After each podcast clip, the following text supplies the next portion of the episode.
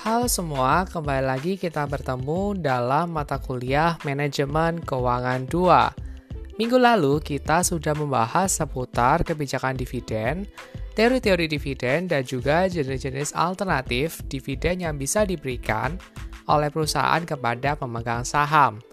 Kali ini kita akan membahas salah satu materi yang pastinya dilakukan oleh perusahaan dalam menjalankan operasionalnya yaitu manajemen kas. Sebelumnya, jangan lupa untuk kalian take notes ya, biar kalian nggak lupa ataupun tetap terus teringat terhadap podcast ataupun materi pada kali ini. Oke, langsung aja kita dengarkan podcast kali ini. Let's check it out.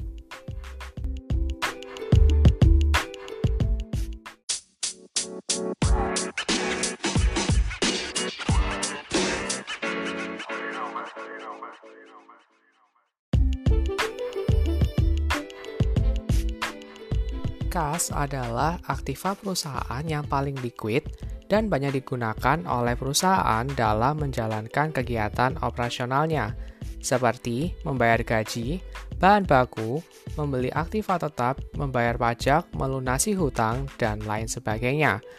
Jadi, kas itu sendiri memang tidak difokuskan untuk memberikan penghasilan bagi perusahaan. Seperti kalau misalnya pada aktiva tetap, biasanya memang ataupun juga uh, gedung itu bisa digunakan untuk penerimaan sewa. Tapi di sini keberadaan kas sendiri itu sangat penting buat perusahaan karena memang digunakan untuk melakukan kegiatan operasional dan transaksi yang sifatnya itu sehari-hari. Nah, dalam perusahaan ada beberapa alasan perusahaan menyimpan atau menahan uang kas. Menurut John Maynard Keynes, yaitu motif transaksi, motif spekulasi, dan motif berjaga-jaga. Jadi kita masuk yang pertama yaitu motif transaksi adalah uang kas yang digunakan untuk melakukan pembelian dan pembayaran seperti pembelian barang baku atau jasa, lalu juga pembayaran gaji, upah, utang, pembayaran dan bayaran lainnya. Jadi memang untuk motif transaksi itu digunakan untuk transaksi harian perusahaan dan digunakan untuk memenuhi kegiatan operasional perusahaan. Lalu ada motif spekulasi, di mana uang kas digunakan untuk mengambil keuntungan dari kesempatan yang mungkin timbul di masa mendatang. Seperti kalau misalnya harga bahan baku itu kalau misalnya turun, itu kan secara tiba-tiba itu bisa menguntungkan perusahaan. Jadi, eh, perusahaan bisa mengambil kesempatan tersebut untuk membeli dengan uang kas yang dimilikinya dan menjualnya pada saat harganya naik ataupun juga e, digunakan untuk memperoleh diskon ataupun juga bisa digunakan untuk eh, periode-periode selanjutnya untuk produksi-produksi selanjutnya. Lalu di sini yang berikutnya ada motif berjaga-jaga yaitu uang itu bisa digunakan untuk berjaga-jaga sewaktu-waktu dibutuhkan untuk keperluan yang tidak terduga. Misalnya, pada saat mengalami kerugian tertentu dan harus menutupi kerugian tersebut sesegera mungkin.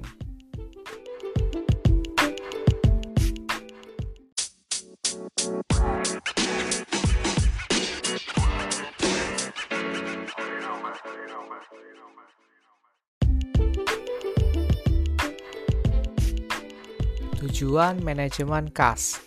Lalu sebenarnya apa sih tujuan manajemen kas itu?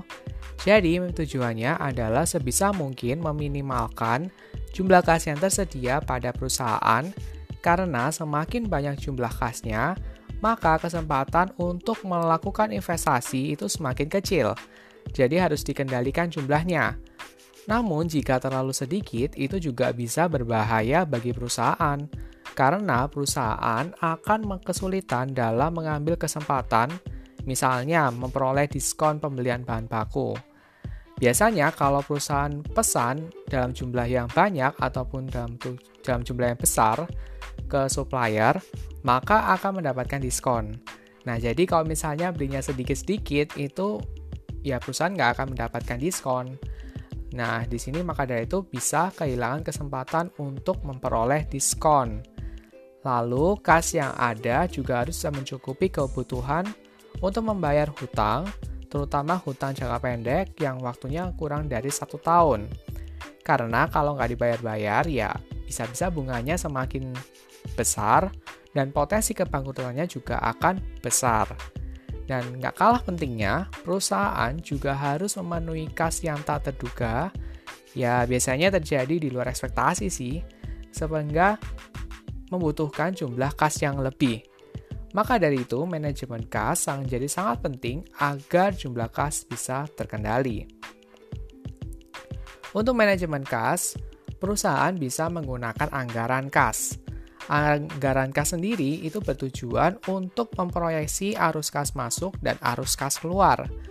Arus kas masuk mencatat sumber-sumber pemasukan pada perusahaan yang biasanya berasal dari penjualan tunai, penerimaan piutang dari pelanggan, penjualan aktiva tetap, penambahan modal dari pemilik, penerimaan sewa, bunga, dividen, hadiah, dan lain sebagainya.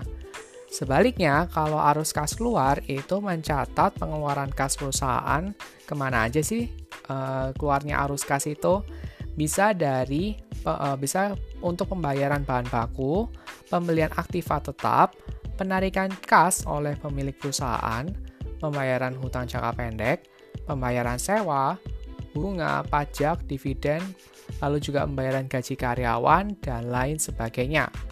Dalam anggaran kas itu juga bisa dilakukan berdasarkan waktunya. Ada yang sifatnya bulanan, yang tujuannya itu adalah untuk perencanaan, jadi untuk uh, mungkin uh, kebutuhan kas di periode mendatang. Lalu juga ada anggaran kas yang sifatnya mingguan yang digunakan untuk melakukan pengawasan kas. Jadi apakah uh, pengeluaran maupun pemasukan itu sudah sesuai dengan target perusahaan atau belum? Atau apakah pengeluarannya sudah lebih kecil dibandingkan dengan pemasukannya atau belum? Jadi bisa dikendalikan supaya kas itu uh, bisa terkendali jumlahnya.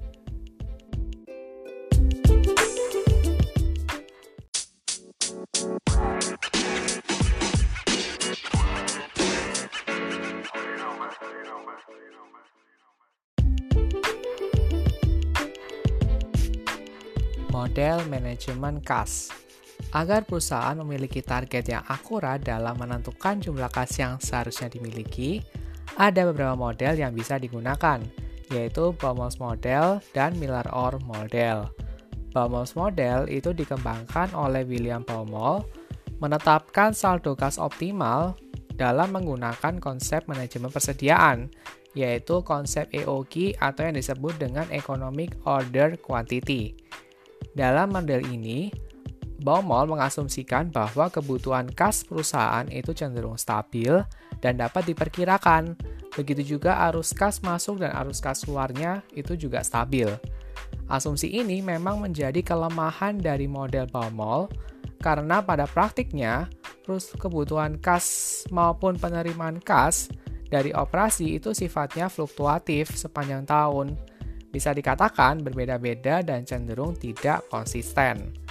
Untuk mengatasi kelemahan tersebut, maka Merton Miller dan Daniel Orr mengembangkan sebuah model yang kemudian terkenal dengan nama Miller-Orr model, di mana model ini memasukkan unsur ketidakpastian dari arus kas masuk dan arus kas keluar dalam penghitungan saldo kas sasaran di mana dalam model ini arus kas harian itu bersifat fluktuatif dan acak.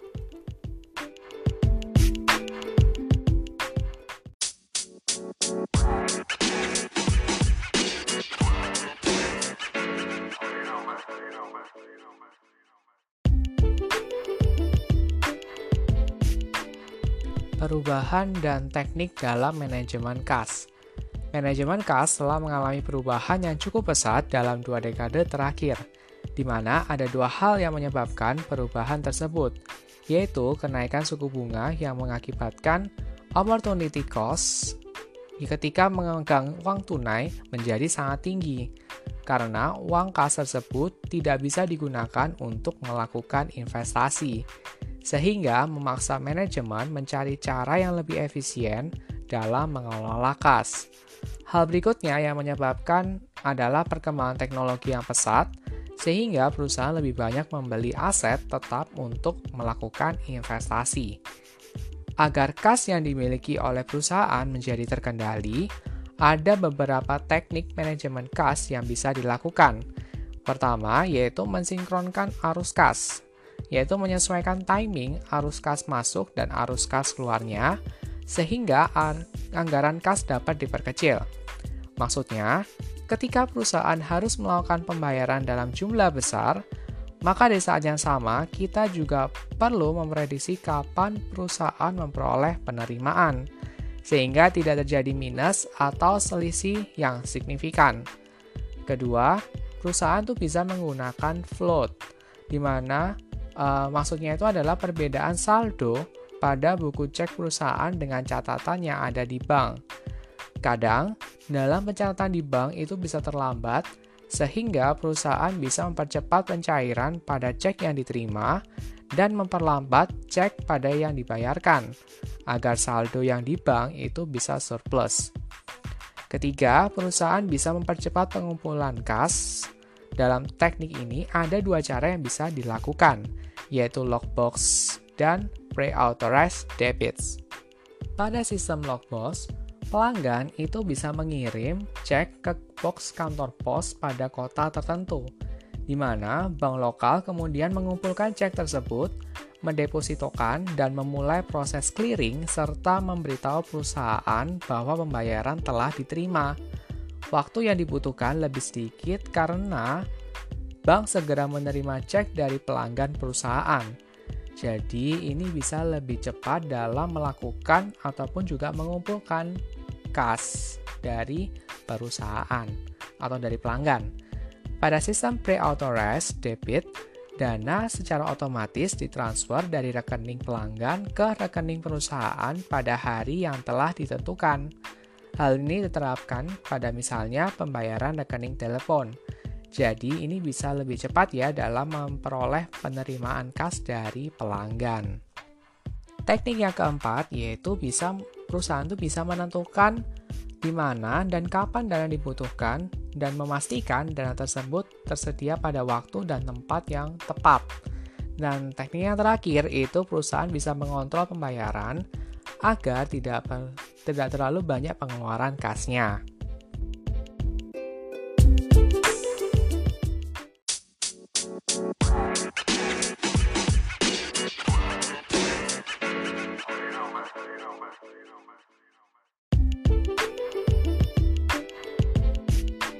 Oke, itu tadi penjelasan mengenai manajemen kas. Semoga kalian semua bisa memahami materi ini dengan baik. Sampai di sini dulu aja ya podcast kali ini. Jangan lupa tetap stay tune dengerin podcast-podcast berikutnya. Tetap semangat, stay safe, and stay healthy. Sampai jumpa. Bye-bye.